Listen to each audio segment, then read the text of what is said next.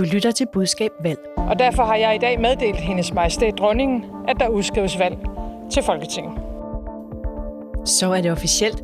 Der er valgkamp i Danmark de næste 27 dage. Politikerne valgfakker ud til vælgerne med flyers, valgbusser og valgbolcher, og samtidig arbejder kampagnemager, presserådgiver og somi-specialister på højtryk, så netop deres partier og kandidater trænger igennem med deres budskaber.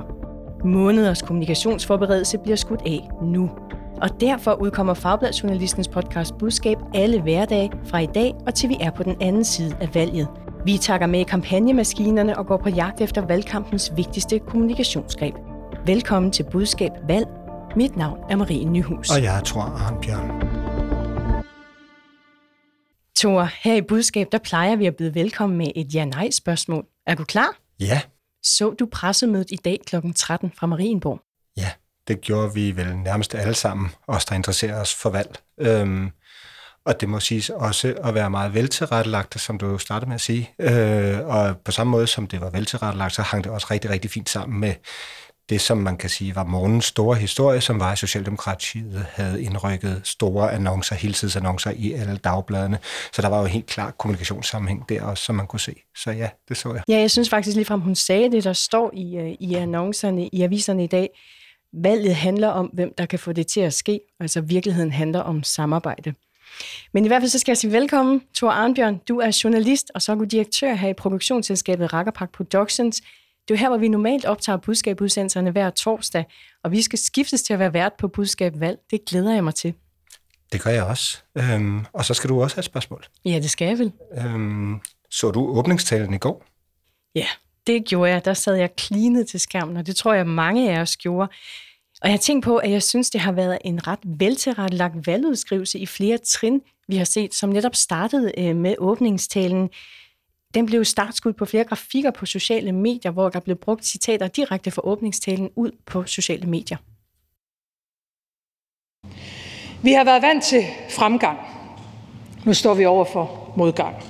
En ny alvor har indfundet sig men også et nyt håb.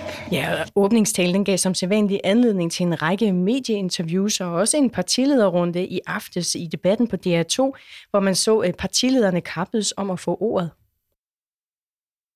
Ja, over otte år. Ja, ja det er da heller ikke godt for vores velfærd, at vi fortsætter ja, jeres altså, politik hvad, i otte år. En gang, en gang, en gang. Men lad os lige høre det her, Maja. Det koster 1 procent af de offentlige udgifter. Og lige efter, der var debatten på DR2, så var statsministeren altså i længere interview med Kåre Kvist på DR1, hvor hun i ro og mag kunne svare på spørgsmålene i, bedst, i, i ægte statsmandsstil. Du ved godt, at jeg samlede inflationshjælp for langt de fleste faktisk er et meget lille plaster på et åbent sår.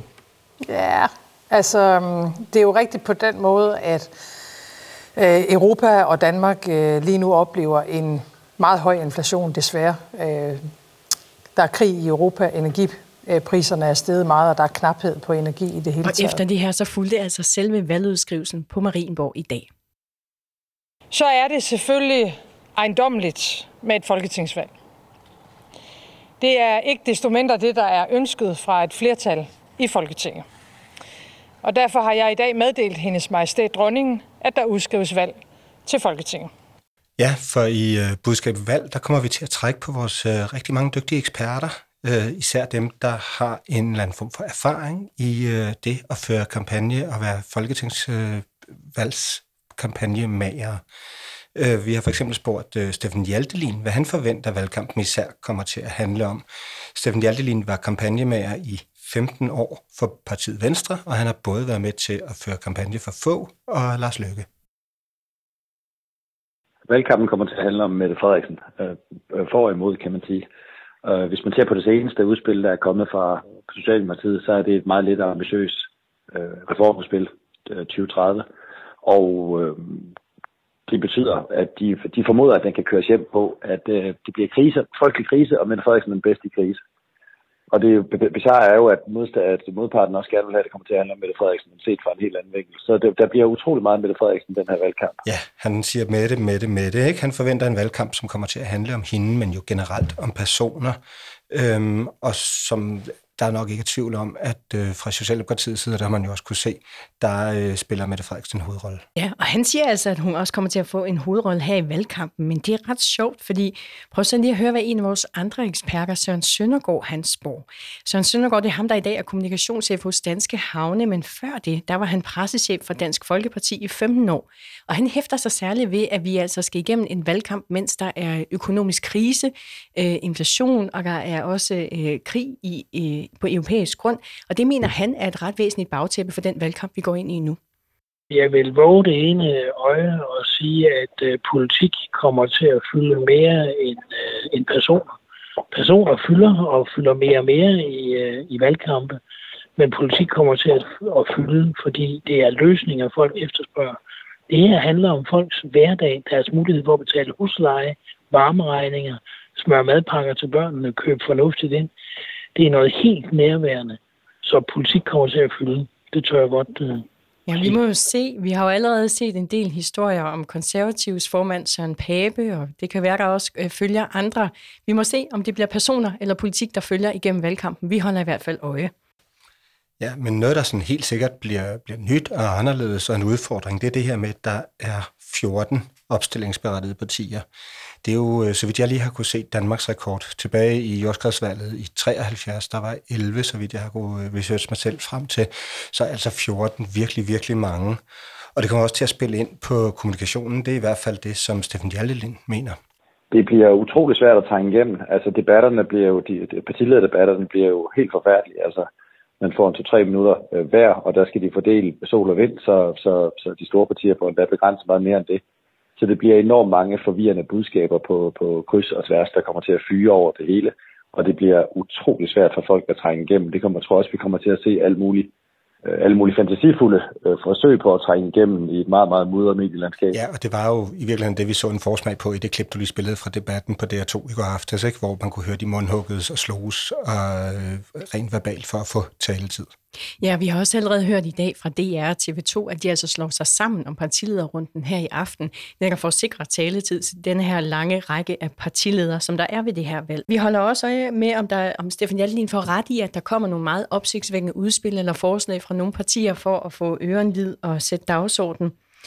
Øhm, men vi har også talt med Søren Søndergaard om, hvilke kanaler, som bliver de vigtigste for politikerne ved det her valg. Han giver sit bud her sociale medier må man bare sige, at det er blevet en, øh, en forbindelsesmotorvej mellem politikere og, og vælgere. Så den er virkelig vigtig. Og så er det klassiske interview i, øh, i traditionelle medier. Det har man sådan med at tale lidt ned. Øh, jeg vil godt tale det lidt om.